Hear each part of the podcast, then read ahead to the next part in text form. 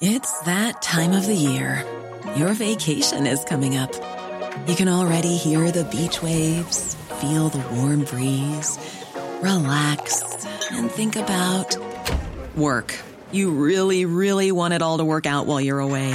Monday.com gives you and the team that peace of mind. When all work is on one platform and everyone's in sync, things just flow wherever you are. Tap the banner to go to Monday.com. There's never been a faster or easier way to start your weight loss journey than with PlushCare. PlushCare accepts most insurance plans and gives you online access to board-certified physicians who can prescribe FDA-approved weight loss medications like Wigovi and Zepbound for those who qualify. Take charge of your health and speak with a board-certified physician about a weight loss plan that's right for you. Get started today at plushcare.com slash weight loss. That's plushcare.com slash weight loss. plushcare.com slash weight loss.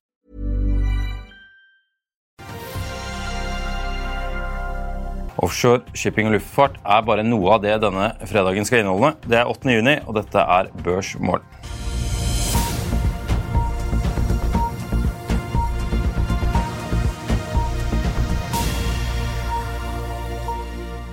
Velkommen til Børsmorgen her hos Finansavisen. Mitt navn er Marius Mørk Larsen, og med meg har jeg aksjekommentator Karl Johan Molnes. Og I dag skal vi prate både med Svein Harald Øygard og Thomas Breivik. Men det er en pakket sending, med andre ord, så vi sprinter gjennom noen kjappe oppdateringer. Europeiske futures faller rundt 0,3% før børsåpning.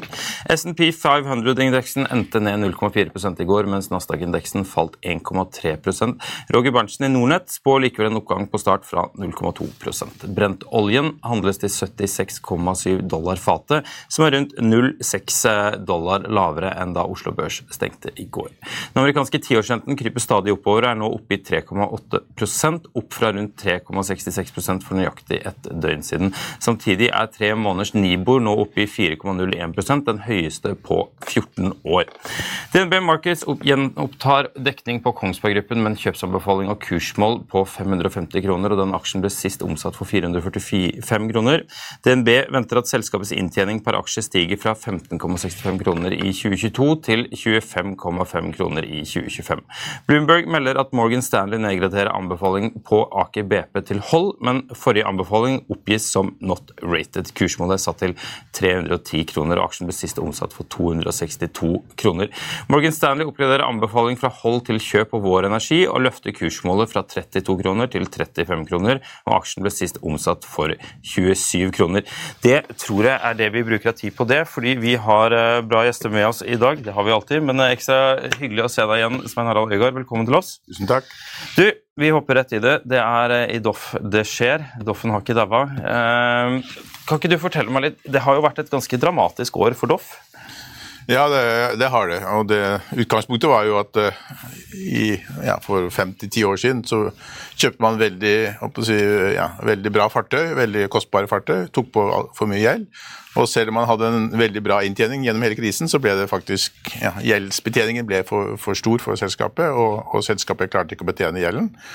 Og da kom kreditorene og sa vi skal ha betalt, og så ble det en restrukturering. Eh, men nå gjenoppstår da Doff eh, i en ny struktur, eh, hvor gjelds, altså kreditorene har gjort opp, gjort om en del av gjelden til aksjer, og den aksjen blir da nå lagt ut til, til salg i markedet.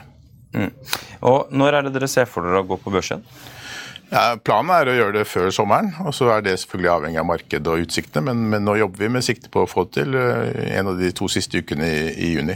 Ja, Det må jo skje før sommeren. Altså finans, Finansbransjen de, de, jobber hardt resten av året, men sommeren den er heldig, så du kan ikke forvente at noen der skal møte på jobb i sommer for å få dette på børs. Hvordan er interessene? Nei, vi, Det er stor interesse. Mange møter, mange diskusjoner. Eh, både i Norge og internasjonalt. Så det overrasker mange som er involvert, at det er så stor interesse for selskapet og så stor kunnskap da, for hva selskapet står for.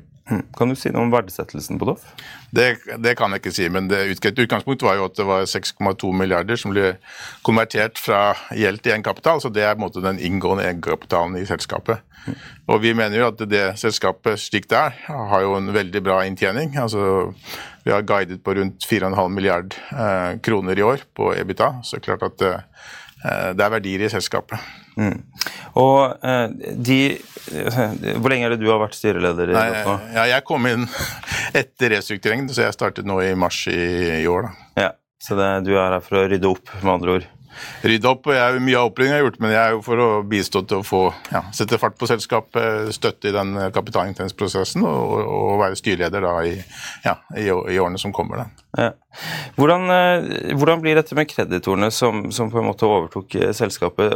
Det er jo en del banker involvert her. Ser de for seg, Skal de være med videre, eller er dette en, en måte å, å liksom forløse seg fra dette selskapet og la det seile videre med noen andre eiere?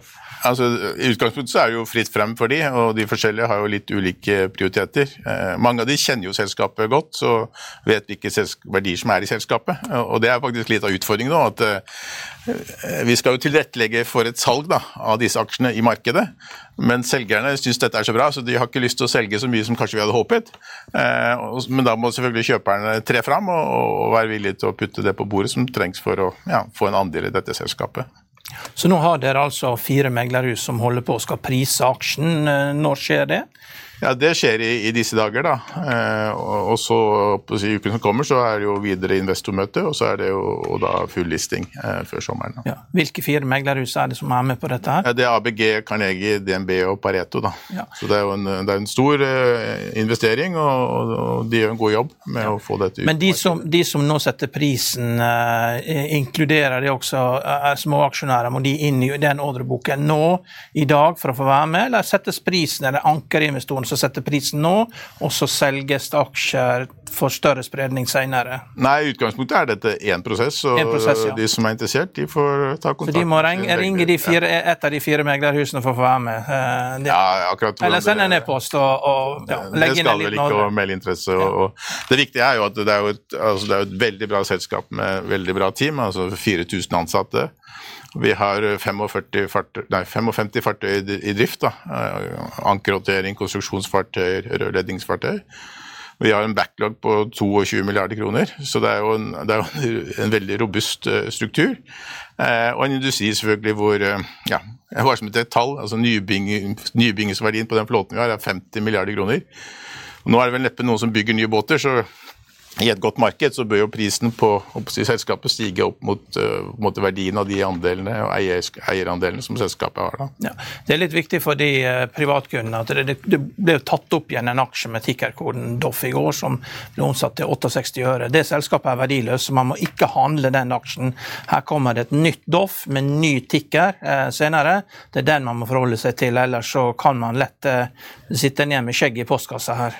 Ja, så Framgangsmåten er jo å ta kontakt med de fire ja. meglerhusene og, og, melde seg på og komme interesse, og selvfølgelig også for de som er aktuelt, og be om en møte med de. Jeg forstår det sånn at dere har en spesiell avtale med Exxon i Guyana. Eh, kan du si noe om den? Jeg kan ikke gå inn på enkeltavtale, men den si, nyskapningen da, i Doff over de siste årene er jo at uh, pga. at uh, vi har det sterke teamet på engineering, pga. at vi har disse båtene som kan nesten gjøre alt som en båt skal kunne gjøre, så, så har vi inngått kontrakter hvor kontraktene egentlig innebærer at vi skal løse ethvert problem som klienten måtte ha neste tre år.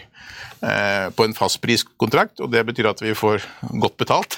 Vi får bedre betalt enn båtverdien, og så får vi mindre risiko. for det at eh, Mens andre ingenieringhus har en turnkey, altså en fastpriskontrakt, så, så får vi betalt for, for, de kapasitetene som vi stiller med. og og Det er jo veldig bra, og det er en stor del av den ordreboken vi har. Og, og vi er jo tungt inne i de bassengene som har sterkest vekst. og En er Guyana, som du nevnte, og ikke minst i Brasil, hvor Petrobras nå virkelig har fått fart på skuta, for å si det sånn. Og skal inn med ikke mindre enn 18 nye produksjonsskip. Altså, I Norge så har vi én eller to eller tre store feltutbygging. Når Petrobras kjører inn, så kjører de inn med 18 eh, FPSO-er, og de skal selvfølgelig alle ha brønner, og de skal ha undervannsinstallasjoner. Og, og der f.eks. på rørledningssiden så er vi en av tre hovedleverandører da, til Petrobras. Så dette, det det ser virkelig, virkelig bra ut.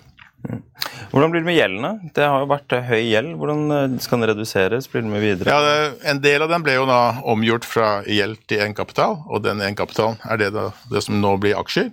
Og så føres videre eh, 15 milliarder i gjeld. Eh, det gode nyheten er at eh, mye av den har, lang løpetid, eller lengre løpetid, og noe av det løper faktisk helt til 2033. Eh, og, og, også som en del av forhandlingen så har man en relativt lav rente på den, på den gjelden.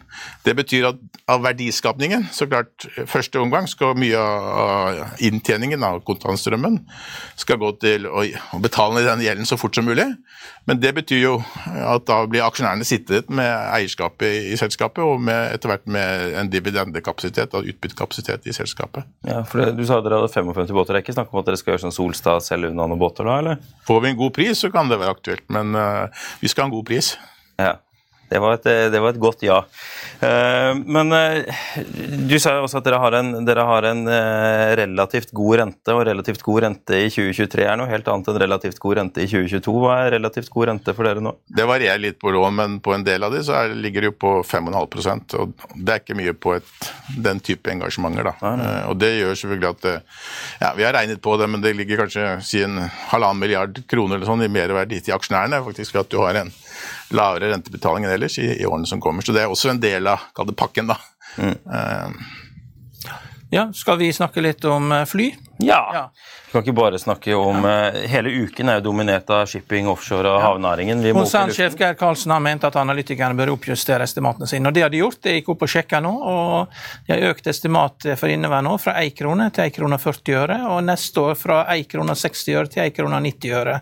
Og Når aksjen da handles eh, rundt i underkant av 13 kroner, så er lett matematikk at det er PE under 10 både for i år og neste år. og det er voldsomt løft i estimatene. Dette her, eh, Synes du analytikerne begynner å Høres det mer rett ut dette her enn det var før? Ja, først kanskje litt kontekst. da. Altså, jeg, jeg er da styreleder i Doff, og så er jeg da styreleder i Norwegian. Og i Norwegian kom jeg også inn etter restrukturering, bare så for de som ikke ja. uh, holder på alle, alle posisjonene her. Så mm, nei, vi opplever, skal ikke jeg kommentere analytikerestimat, men uh, at det, at det, er godt driv i bransjen om dagen. Da. Eh, altså det er gode bookingtall. Vi kommer jo med trafikktall nå, viste load factor på 84 eh, god, god, inntjening. Eh, viste at vi hadde en yield på ja, 0,74 per km. Og så har vi også skal ikke si at vi har fått kontroll på fuelkost, men vi har i hvert fall eh, Drivstoffkostnadene har jo gått vesentlig ned fra i fjor, eh, og det er en veldig viktig del av kostnadene våre. Og så har vi også låst inn en stor del av drivstoffprisene. Så det er en veldig det, relativt stor forutsigbarhet da, i inntjeningsutsiktene for, for 2023. Så det skulle være mulig å regne på hva dette kan innebære, ja. Riktig. Det, jo, altså, det er greit at vi snakker om, om, gode trafikktall nå i sommer, men uh, alle venter jo at sommeren blir bra. Den skal overleve videre etter det også. Hvordan ser dere på litt sånn, det litt lengre løpet med med trafikktall osv. Nå så jeg han uh, Michael O'Leary var på Squawkbox og snakket om at uh, travel er ikke en luxury, det er en necessity igjen. Hva, hvordan, hvordan så, vi, går jo fra en, fra en høykonjunktur til, til, det man snakker som dyrtid. Skal folk fortsatt drive og fly etter denne sommeren? Det er vel vår vurdering. Klart, uh, altså, ja. Vi selger jo i tre hovedsegmenter, altså innenlands i Norge det vi kaller City, som er altså, til Paris og London osv. Manchester, for de som skal se dit og se fotballkamper. Og Beach, da, som, som er det vi kaller Syden. da. Uh, og klart Det er Syden som er mest aktuelt nå, nå, i sommer, og da ser vi jo at uh, ja, nordmenn og nordiske borgere da, ønsker å dra ut. Vi har 60% omtrent av trafikken ut fra Norge og 40% fra de andre nordiske land. Så det gir en bra differensiering. Utover høsten så ser vi at det ser, ser rimelig bra ut. Interessant nok der hvor det er eh, trafikkutvikling er dårligst, det er på, er på innenriks Norge. Så ser det ut som folk har seg råd til en tur til, til Syden, unner seg en tur til Syden, eh, eller til en, en, tur til Manchester, for å si det sånn, eh, mens man kanskje har mindre trafikk innenlands. Mm. Flypris, eh, altså billett, Prisene for å reise har jo steget gjennom de siste årene. men vil, vil det, er, er, vi kommet til et billettnivå eller et prisnivå på billetter som, som skal vare inn i fremtiden, eller vil det bli en, en kutt på priser igjen? Altså Utgangspunktet bestemmes jo av, markedet, altså tilbud og etterspørsel. og Det er klart det blir jo kanskje mindre tilbud, for det, det er faktisk beskranket antall fly da, som, som, gjøres tilgjengelig ved at begge de to flyprodusentene, da, Airbus og Boeing, har kapasitetsproblemer. Det gjør at det blir færre fly, og dermed så må jo måtte prise opp for å, for å balansere markedet. Ellers så drives jo mye av drivstoffkostnadene, og hva de blir, det kan ene vi et, ja, Men la oss anta at utgangspunktet at kanskje det er på, ja, holder seg omtrent på dagens nivå da, eh, framover, er, vel- er vel en rimelig utsikt. da. Har dere fortsatt mye sånn power by the hour-avtaler for flyene? Ja, ja, litt, men det som, det som er viktig nå, er kanskje en, et nytt fenomen. for vi, skal, vi tar jo inn nye fly, for vi har bestilt 50 fly fra Boeing, som vi, vi da vil få levert over de neste årene. Og da skal vi levere tilbake de gamle flyene. Og da har vi prøvd å satt opp dette slik at de nye flyene de kommer på våren, da, slik at vi har flere fly om sommeren. Og så leverer vi tilbake de gamle flyene om, om høsten. Eh, og da får du en større sommerkapasitet da, enn vinterkapasitet, og det er det som er viktig. Så vi har skiftet Power by the Hour over til en, en innfasing av flyene, slik at du får en større Klarte å henge med på dette? Power by the hour kan kanskje være greit å forklare for de som ikke er Altså Du betaler bare for det du flyr. Altså du betaler ikke for, eh, Hvis flyene står på bakken, så betaler du ikke for eh, å leie flyene. Det er leasingselskapene.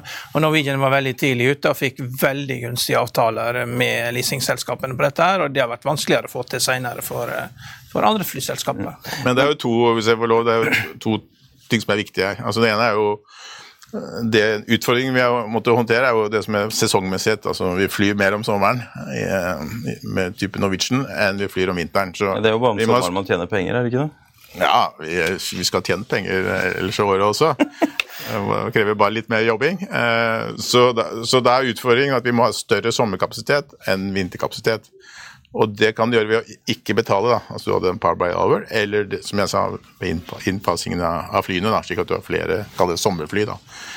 Så det, ja, det er viktig. Men det som også også er veldig bra, er jo at eh, på en del av de avtalene vi har altså Inflasjon er jo tilbake i verden, men uh, mange av de avtalene vi har inngått, er vi inngått uten inflasjonsjustering. Uh, og Det betyr at si, realprisen da, på flyene går faktisk går ned. Ja. Men leier- er jo- ja. Leier dere alle flyene, eller eier dere noen fly? Ja, vi eier vel to fly nå, Ja. og så leier vi resten, da. Men om du eier eller leier det Utgangspunktet er jo det mest avhengig av hvilken pris du får på altså rentekostnadene på, det, på, på Men når du, når du snakker om, eh, om denne, det inflasjonspoenget på, på flyene, er det på de eksisterende eller på de innkommende 50 flyene? Eh, ja, på noen av de eksisterende, f.eks. de siste avtalene vi har, det har vi, har vi også meldt til markedet, så fikk vi, var jo, tok vi inn seks fly fra Flyr. Og de tok vi inn på en tolvårskontrakt uten inflasjonsjustering. da. Altså Tradisjonelt sett så har jo det vært sånn at uh, det nordiske flymarkedet har hatt enda sterkere sesongsvingninger enn uh, resten av Europa og uh, USA. Men det har alltid vært en sesongsvingning at første kvartal er svakest. Men, men enda sterkere. Men nå har jo dette her med Airbnb. For en by som Tromsø, da, og hele verden har jo lyst til å se midnattssol om sommeren, og de har lyst til å se nordlys om vinteren. Og Airbnb skaper fleksibilitet. Det er ikke liksom 5000 kroner natta for et hotellrom. Nei. Det må jo være større muligheter. Det er langt flere cruise der oppe. Det er langt flere eh, større turistaktivitet, så det er større muligheter til å fly flere folk opp dit. Turister. Er det noe som eh, Jeg vet jo at det markedsføres, men er det respons? Er det, dette er sånne ting som man kan se i, i tallene? At du får mindre sesongsvingninger? At du får økt eh, turisme i nordområdene om vinteren? Ja, altså Vi har jo en strategi da, for å håndtere disse temaene. Og den har si, fire deler. da. Og En del av det er jo mer det inbound. da. Altså ikke, Vi skal ikke bare fly nordmenn ut, vi skal fly eh, italienere til Norge. Og da type nordlysturisme. Så alt som kan gjøre at vi får en sterkere posisjon i inbound-markedet, blir viktig. Så det er én del av strategien. En annen del av strategien er jo på bedriftsmarkedet, hvor vi tar markedsandeler. Og det skyldes selvfølgelig at vi har en klart best punktlighet i Norden da, av alle flyselskap. Vi har vel 12, 12 prosentpoeng høyere punktlighet enn vår nærmeste konkurrent. eh, Og det er jo viktigst også for bedrifts... at vi skal, Ikke bare blir det rimeligere enn konkurrenten, men det blir også eh, større sjanse for at man kommer fram i tide. Og så har vi da selvfølgelig lojalitetsprogram, eh, som vi har også endret. Så vi jobber jo med, med strategien for å, for å få en mer stabil eh, trafikk gjennom året. Og så i tillegg til det så topper vi opp ved å i den grad vi har en restbehov da, for å tilpasse kapasiteten, så håndterer vi det ved å innfase og utfase fly, da, slik at vi har en større sommerkapasitet enn vindkapasitet. Så det er mange, det er morsomt med fly, altså, alle vet det, fly, det er mange håndtak å dra det i. Eh, sånn er det også når man leder et flyselskap, da, at, det, at det er hevstenger som vi kan jobbe med. Eh, og nå er det jo stabilitet i den forstand at eh, Dette omikron og hit og dit. Så har vi nå siste halvannet år hatt stabilitet i driften, og da kan du jobbe med disse små håndtakene. da, Slik at du fine-tuner hvordan du driver det, og selvfølgelig da gjennom det også driver opp inntjeningen for selskapet. Så det ser virkelig, virkelig bra ut. Ja. Jeg må, må skyte inn til slutt, fordi nå er det, er det, et år du har vært i Norwegian nå? Ja, nå er det to år. To år, ja. Hvor mye kunne du om luftfart før du kom inn i den funksjonen der? Ikke så mye, nei. Jeg var vel en av de som fløy mest av alle nordmenn. Men, men, nei, jeg kunne ikke så mye. Men det er jo, må få bare jobbe, jobbe med det. ja. ja. Det må jo være kult å komme inn og, og, ta det til seg såpass kjapt som du åpenbart har gjort. Da, med tanke på at ja, To år er jo en stund, men likevel, ja. dette sitter jo i fingerspissene, virker det som. Nei, Jeg fikk jo litt kursing av, ja, selvfølgelig av Geir og, og Bjørn Kjos, som, som, da selvfølgelig eh, bygde opp Norwegian. Og han sa Svein, du må regne på alt. Du må regne på alt. og det er jo min naturlige tilbøyelighet, så da kan jeg regne på alt, og da blir det bra. Så. Du, helt til slutt, jeg har et siste spørsmål, for, og det går jo litt på din uh, tid tidligere som sentralbanksjef på, uh, på Island. Hvordan, uh, hvordan føler du at det eh, makroøkonomiske ser ut nå? Altså, nå er det mye rentespøkelser. og sånn, du har renta, du har resesjonsspøkelset, var det jeg mente, selvfølgelig. Eh, og du har den svake norske krona. Hva, hvilke, hvilke, tanker danner du deg opp imot de situasjonene du har vært i tidligere som sentralbanksjef? Altså, Utgangspunktet siste norske krone er jo at faktisk realrenten, da, for å si det, altså rentejustert inflasjon, er faktisk lav i Norge.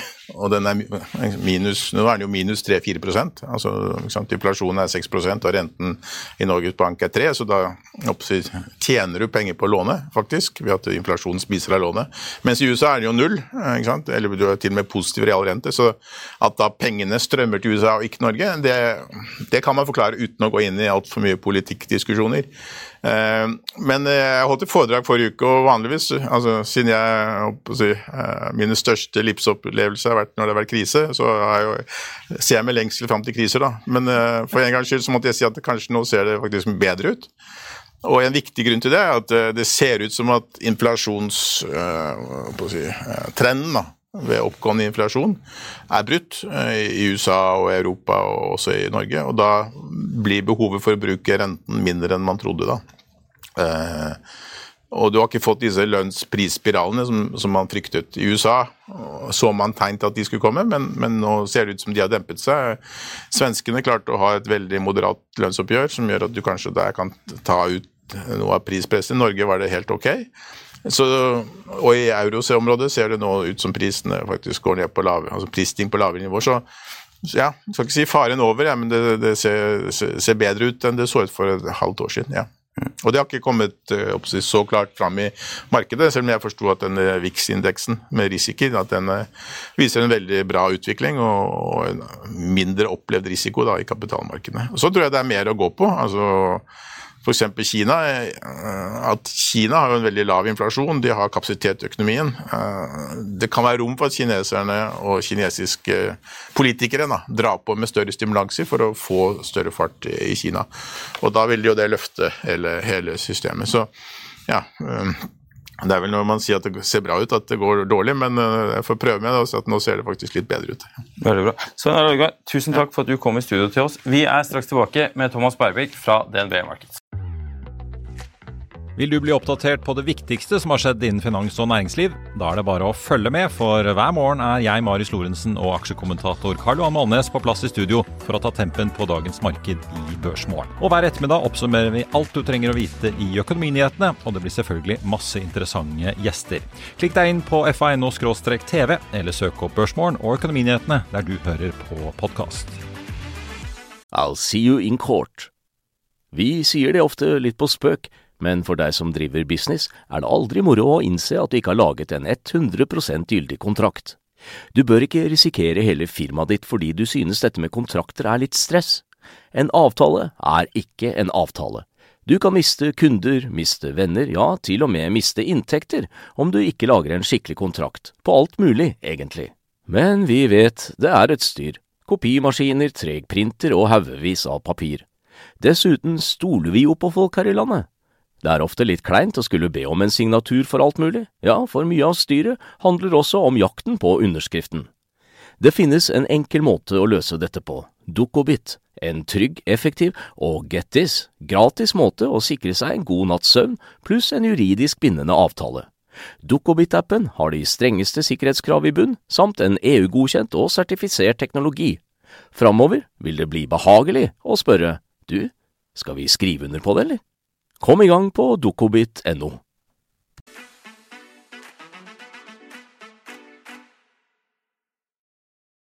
Yes, Velkommen til oss, Thomas Breivik, aksjesjef i eh, DNB Markets. Takk, Marius. Du, Det må være spennende dager for dere om dagen? Ja, absolutt. Veldig spennende. Det har vært et travelt år så langt. og Vi har masse å gjøre. Og, og selv om det kanskje på indeksnivå kan se litt sånn kjedelig ut, vi er vel omtrent der vi startet på året, liksom, sånn på Oslo Børs, eh, så har det vært eh, mye spennende som har skjedd i år allikevel. Så absolutt. Ja, Er du som Svein Harald Øygard en som liker en krise, eller hva, hvordan ser du på markedet om dagen? Nei, vi, er, altså, vi, vi, liker vel eh, hva skal jeg si, Både vi og våre kunder liker stabilt stigende markeder. Det er vel kanskje det enkleste for oss. Men, men det er klart at når kriser oppstår, så, så, gir jo det også muligheter for at vi kan hjelpe våre kunder. Eh, apropos Svein Harald, så var vi jo eh, heldige og flott å være med å hjelpe Norwegian i rekonstruksjonen for to år siden. så var en av de mest spennende og kanskje mest kompliserte transaksjonene vi har gjort noen gang. Og vi er nå rådgiver for DOF-transaksjonen, hvor Svein Harald også er styreleder. Eh, og du kan jo si at Begge de to selskapene har til felles at de har kommet ut av kriser. Uh, så, så, da har vi en verktøykasse i Denver Market som er god å ha for kundene våre til å hjelpe til. Mm. Men hvordan altså, Men likevel, du er keen på å være litt forsiktig nå? Uh, ja. altså jeg vil si Hvis du ser på markedet, så er vi hva jeg vil kalle forsiktige pessimister, kanskje. Uh, for å bruke Oslo Børs som referanse, så uh, prises den for øyeblikket på rundt sånn prisbok 1,6, som er kanskje litt under det som er det historiske snittet. Hvis du ser på P-multipler, så er det kanskje sånn P10 mot et snitt på P12. dratt ned for øyeblikket spesielt av Equinor, som er priset på en, på en lav multiple. men hvis du ser på også analytikernes estimater, som har ligget en liksom, på aggregert nivå en litt fallende trend hittil i år, så tror vi kanskje at de fortsatt er litt optimistiske. og Derfor så sier vi at uh, kanskje bruke et uttrykk som 'price to perfection'. Det er lite rom for, uh, for, hvis det skulle skje noe galt, for å si det på den måten. Uh, så, så vi er ikke veldig optimister til aksjemarkedet. Nei. Men Er det noen aksjer du er optimistiske til? da? Det er jo Nordshipping nå. Det, jeg føler alle syns at shipping er det mest spennende med segmentet i hele verden, men det er kanskje det man trenger å være hvis man skal selge kompressorer og, og rørsystemer til båter. Vi er selvfølgelig farget av at Nordshipping er i byen, vi også, så det blir mye shippingsnakk om dagen. Og, og, der er det som vanlig, vil jeg si, mye spennende som skjer, og, og veldig kanskje ulikt innen de ulike segmentene. Vi er positive spesielt til tørrbulk- og tanksegmentene. Eh, det er to årsaker til det. Det ene er eh, verdsettelsen. Hvis du ser på eh, aggregerte verdsettelser av tørrbulksektoren, så er det priset på en sånn typisk 30% rabatt til verdijustert egenkapital for øyeblikket. Tanksegmentet er ca. 20% rabatt. Men det de to segmentene har til felles, er at det er en veldig god kontroll på ordreboken. Så det er veldig lav ordrebok i forhold til flåte. Og det er en alderssammensetning av begge de flåtene som gjør at det ville vært naturlig i et normalmarked for redere å se på bestilling nye båter. Men det er uklarheter rundt det regulatoriske, hva som trengs av hva slags båter man skal ha i fremtiden. Det har blitt mye dyrere å bestille båter. I tillegg så er det det at det er knapphet på verftskapasitet globalt. Så man har en veldig god kontroll på tilbudssiden i kombinasjon med prising, som gjør at vi er spesielt positive til de to segmentene. Ja. Eh, nå kom jo nyheten i går om at Danske Bank skal selge sin eh, norske virksomhet. og eh, Det vil jo påvirke bankmarkedet i Norge. Fikk dere tid til å snakke om det i går, hva dere tror kommer til å skje rundt det? Egentlig ikke, for helt ærlig. Det er som du sier en nyhet. Ja. Så jeg har ikke så mange kommentarer til det, Karl Johan. Nei. Nei, det er nytt, og det, det er helt åpent hva som skjer. så ja, Da blir det kaos, eh, tipper jeg. Jeg var jo eh, kjapt ute og sa at jeg trodde ikke Nordea var en kandidat. og Det tok jo ja, to minutter før analytikerkorpset var helt uenig med meg. Så det var jo helt perfekt. Ja. Men eh, jeg får spise opp den. Uh, hvis vi vender litt tilbake til, uh, til, til shipping altså, Du har shipping og så har du sjømat. hvordan har dere sett på den prosessen som har vært med grunnrenteskatten? og Blir det skatt, blir det ikke skatt, blir det høy skatt, blir det lav skatt? Nå ble det skatt. Hva, hva tenker dere om veien videre? Ja, altså Om veien videre så øh, vil jeg si at generelt sett så er vi veldig glad i, i, i politiske rammeverk som er stabile for investorene våre. Uh, jeg kan si at jeg har solgt aksjer til utenlandske investorer i 30 år. Og det at vi har et politisk stabilt rammeverk som bakgrunnsteppe, er utrolig viktig. Så eh, jeg tror eh, vi, og i likhet med de fleste, håper at dette nå vil på en måte finne et, et klart rammeverk og noe som alle kan forholde seg til langsiktig. Så tror jeg for så vidt at eh, det som nå er blitt vedtatt, er helt ok. Ja, Så du er ikke redd for å anbefale å kjøpe sjømataksjer? Nei, jeg synes Hvis vi skal snakke om enkeltaksjer, så vil jeg si at øh, sjømat er en av de sektorene vi trekker frem som attraktive. Movi f.eks. Øh, er attraktivt priset i forhold til både sin egen historikk og, og, øh, og sektoren. Så, så, det er et, et, eksempel på en aksje som, som vi syns er attraktiv. Mm. Er det noe dere ikke liker for tiden? Er det noen trekk dere ser på som, som gjør at dere tenker at ok, den sektoren den holder vi oss litt unna nå, for der ser ting farlig ut? Med vårt markedssyn så er det klart at vi, vi liker typisk mer defensive aksjer. Eh, og eh, så I den andre enden av skalaen så blir jo de på en måte hva skal jeg si, kanskje sykliske aksjer f.eks. er absolutt et, eh, en sektor som vi eh, trekker frem som noe man kanskje skal holde seg mer unna. Mm.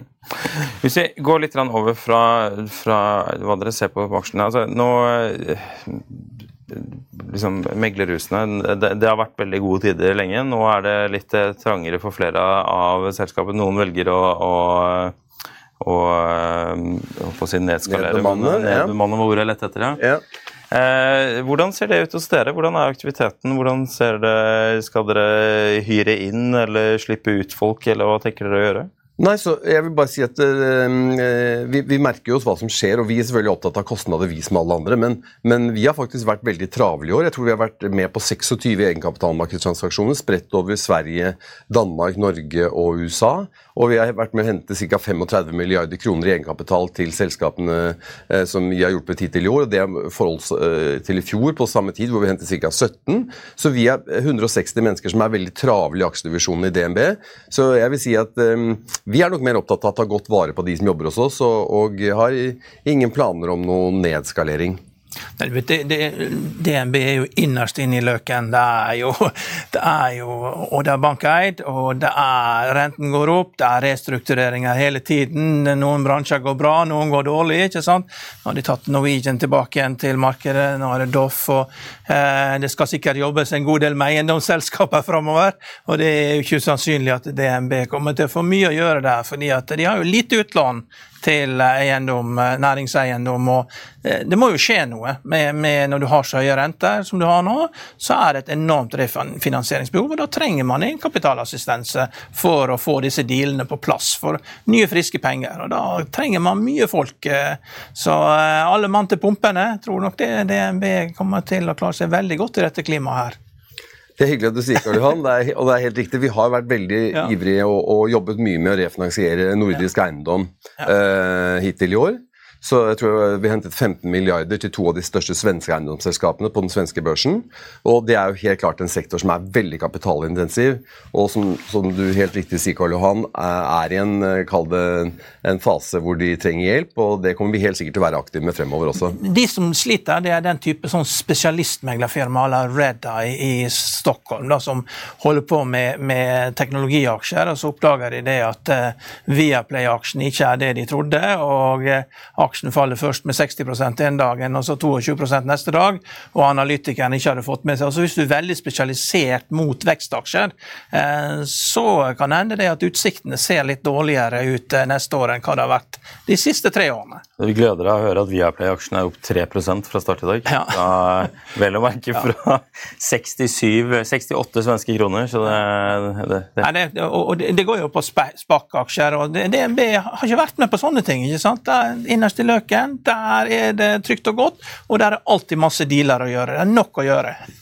Ja, hvordan er det? Fordi eh, det har jo eh, Det var lett å hente penger for, eh, for et, et års tid siden, to år siden. Da satt pengene løst. Hvordan er det å hente penger nå til, til, til ting? Altså, Eh, nye prosjekter har vel ikke så veldig mye å uh, håp, holdt jeg nesten på å si. Altså, det er jo De selskapene som vi har hentet penger til i år, har nok vært preget av at det har vært spesielle situasjoner som har ført til at de selskapene trenger hjelp, som f.eks. Uh, svenske eiendomsselskaper. Vi gjorde akkurat en stor transaksjon i Danmark for et selskap som hadde et uavklart kapitalbehov i forbindelse med et kjøp de hadde gjort tidligere. Så det er nok uh, Det vi kanskje savner, er sånn type Kall det en høyprofils, nye noteringer av veldig store selskaper. Eh, og eh, der, der opplever vi kanskje at markedet er kall det litt for ustabilt. Vi er i en fase hvor rentene øker, folk er kanskje litt usikre på verdsettelsen. Eh, og hvis man da kan vente, så velger man heller å vente. Det vi trenger for å få fart på den type transaksjoner, er at noen går foran med et godt eksempel et eller annet sted i Europa. Vi hadde nylig i Italia et eksempel. Et stort selskap som Lottomatica, som er det deres svar på uh, Norsk Tipping omtrent. Um, uh, som var tilsynelatende en, en fantastisk transaksjon. Veldig stor, også i europeisk målestokk. Attraktiv prising, bra management, veldig god feedback. Allikevel så falt kursen 10% på første noteringsdag. Og det var ikke til hjelp for det vi driver med egentlig noen i vår bransje i hele Europa. Eh, så, så, det er kanskje, hvis du skal liksom peke på et segment som, som noe vi ikke får til om dagen, så er det kanskje det. Hvis man eh, ser litt på, som Karl Hanne også inne på, med restrukturering, det er jo et litt annet ballgame igjen. og der er Det jo, altså det er jo kriser, formuer skifter hender. Det må jo sitte en del folk og være klare til å gjøre litt dealer, men de har vel litt eh, De skal være litt harde i klypa nå hvis du skal være med på en restrukturering, skal du ikke det? Ja, altså Jeg opplever at det er bred interesse fra investors for å være med på restruktureringer. Eh, og jeg opplever at kontantandelen altså hos de kundene våre som kan velge hvordan man vil allokere kapitalen sin, den er høy. Og jeg opplever at folk er veldig interessert i å se på nye muligheter. Sånn typisk eh, Doff nå. altså Vi, eh, vi har booket eh, hundrevis av møter for det selskapet på kort tid for å avdekke om dette, denne investeringsmuligheten. Så når det kommer muligheter um, og selskaper ut av en restrukturering, så vil jeg si at interessen er skyhøy. Ja, så, ja, så investorene de skyr ikke muligheten til å være med på en? Altså, du ser rett og slett heller, de ser heller rett og slett en mulighet her? da? Absolutt. Og så har man i Norge den fordelen kontra ute at eh, ute så er det veldig mye private penger som dytter inn i sånn private equity-strukturer. Og de får snart sånn brev i posten om at verdien har falt ganske mye. da. Okay det er, ikke, det er, ikke, mye av dette her i Norge. Det er, det er kontanter, det er egne eiendommer. Det er, eh, det er liksom ikke for mye av disse her strukturene. Man har jo disse eiendomsprosjektene som man kjenner til med Equinor og Telenor, men det er mer sånn private ting. Mm. Det er ikke for mye av dette her i, i andelen av folks formuer. Og dette, dette, kommer til å skape store problemer i USA for, for, veldig mange, for det er så utrolig mye penger som har gått inn i ting folk ikke skjønner hva de har kjøpt. Mm. Jeg må skyte inn et siste spørsmål, for vi begynner å slippe opp for tid her. Ja. Eh, kunstig intelligens, ja. det har jo vært en snakkis i hele vår. Ja. Eh, er dere i gang med å utvikle roboter som skal handle for dere, eller hvordan ser dere for dere bruk av AI i fremtiden? Ja, så um, uh, Kunstig intelligens er, som du helt riktig påpeker, noe som jeg er veldig opptatt av og, og bruker mye tid på. Når det kommer til selve aksjehandlingen vi gjør, og, og der har vi brukt roboter i mange år, faktisk, og har uh, programmer for å gjøre det. Og det er til stor hjelp, og noe som jeg tror er til veldig fordel for for kundene våre oss eh, når vi skal eh, utføre handler i, aksjemarkedet. I det siste så har det også vært eh, med, med disse språkmodellene, automatiske språkmodellene som ChatGPT osv. vært muligheter for å se om man kunne også implementere det i andre deler av verdikjeden, sånn som f.eks. aksjeanalyse. Der har vi vært, eller er veldig restriktive, så vi har sendt ut strenge interne retningslinjer for å begrense bruken av det i aksjeanalyser. Vi tror at kundene våre betaler for den enkelte enkelte analytikers kunnskap og innsikt i sektoren og selskapene de dekker. Eh, og jeg kan ikke se for meg at det kommer til å bli en sentral del av, eh, av vår aksjeanalyse, i hvert fall sånn som dette ser ut for øyeblikket. Og så følger vi veldig nøye med, og vi har gjort tester hvor vi har laget analyser faktisk eh, som i sin helhet er produsert av, av kunstig intelligens. Det som det, det viser seg, var at hvis man ikke kjente så godt til det selskapet, så så den analysen faktisk tilsynelatende ganske bra ut. Men det er bare det at det er der hele cruxet ligger. at Når du kjenner det selskapet veldig godt, så var det en rekke faktafeil, det var konklusjoner som ikke var riktige osv. Så, videre. så så Så der er vi veldig restriktive. Vi ser jo det her også, at eh, det, det kan ha stor nytte hvis du intervjuer en person, eller du hører på en presentasjon og du behandler offentlig informasjon som alle hører, og du tar tak i den informasjonen og gjør den om til tekst og får den raskt ut som oppdatering, så har det en verdi. Mm. For det er, det er, det det er, og alle har samme informasjon. Det mm. utgir seg ikke for å være noe annet annet med fart å gjøre for å spre informasjon. Eh, der, der er det stor nytte. Mm. Eh, så vi kommer nok til å bruke det i avisen framover. Skal jo prøve litt dette her, og øke farten på å få nyhetene ut i så raskt som mulig, så presist som mulig. Når det handler om offentlig informasjon, der du ikke prøver å tolke ting. Jeg tenker også det at det er, eh, det er for å forbedre prosessen, ikke Ja. overta prosessen. sånn Ja. som det ligger an foreløpig. Thomas Breivik, tusen takk for at du kom i studio til oss. Vi har eh, sluppet opp for tid og eh, er ved veis ende. Jeg, jeg skal bare skyte inn helt på slutt her at det er en ganske ja, middels dag på Oslo Børs. Det er ikke noen spesielle t- dramatiske utviklinger utover at Nordic Narno Vektor fortsatt, eh, fortsetter å gå på gårsdagens eh, oppkjøpsnyheter. Eh, eller spekulasjoner. Eh, den er opp ca. 17% Vi er tilbake med Økonominyhetene klokken 14.30. Da er vi tilbake igjen på Nordshipping på Lillestrøm, og der skal det handle om både shippingaksjer, men også eh, ammoniakk og metanol, for der har vi noen ganske spennende gjester klare til eh, da. I mellomtiden så minner jeg om fa.no slash tv for å se sendinger og gjesteintervjuer, og søk opp eh, Økonominyhetene eller Børsmorgen der du hører podkast for å høre disse sendingene og intervjuene når du vil. Vi ses etterpå.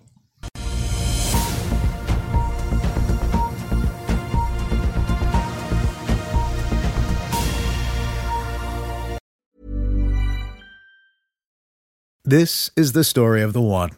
As a maintenance engineer, he hears things differently.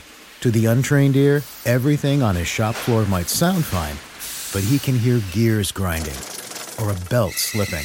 So he steps in to fix the problem at hand before it gets out of hand. And he knows Granger's got the right product he needs to get the job done, which is music to his ears. Call, clickgranger.com, or just stop by. Granger, for the ones who get it done. ACAST powers the world's best podcasts. Here's a show that we recommend. Hi, I'm Megan Rinks. And I'm Melissa D. Montz. And like every other person with access to a microphone, we started a podcast. On Mondays, we release Don't Blame Me, which is an advice podcast where listeners call in and we share our thoughts on situations such as what to do if you're going to your boyfriend's family function and you haven't told him that you previously slept with both as twin brothers. Then on Thursdays, we release our podcast, But Am I Wrong, where we ethically gossip about pop culture, politics, our lives, and your lives. Listeners write in and we tell them if they're wrong or right in a situation. Are you the hero or the villain? On Tuesdays and Fridays, we throw in a little something extra as well. Well, something, something. We strive to create a community grounded in activism, mental health, and inclusivity. Think of us as like your blunt, honest friends who give you advice that you need to hear, not what you want to hear. But we're also always rooting for your success. What we lack in credentials, we make up for in opinions. We do that in every episode too. we're professional, unprofessional. So if you're looking for a new slate of podcasts to add to your routine, we're here for you. ACAST, ACAST, ACAST recommends. ACAST helps creators launch, grow, and monetize their podcasts everywhere. ACAST.com. Økonominyhetene er en podkast fra Finansavisen. Programledere er Marius Lorentzen, Stein Ove Haugen og Benedikte Storm Bamvik. Produsenter er Lars Brenden Skram og Bashar Johar. Og ansvarlig redaktør er Trygve Hegnar.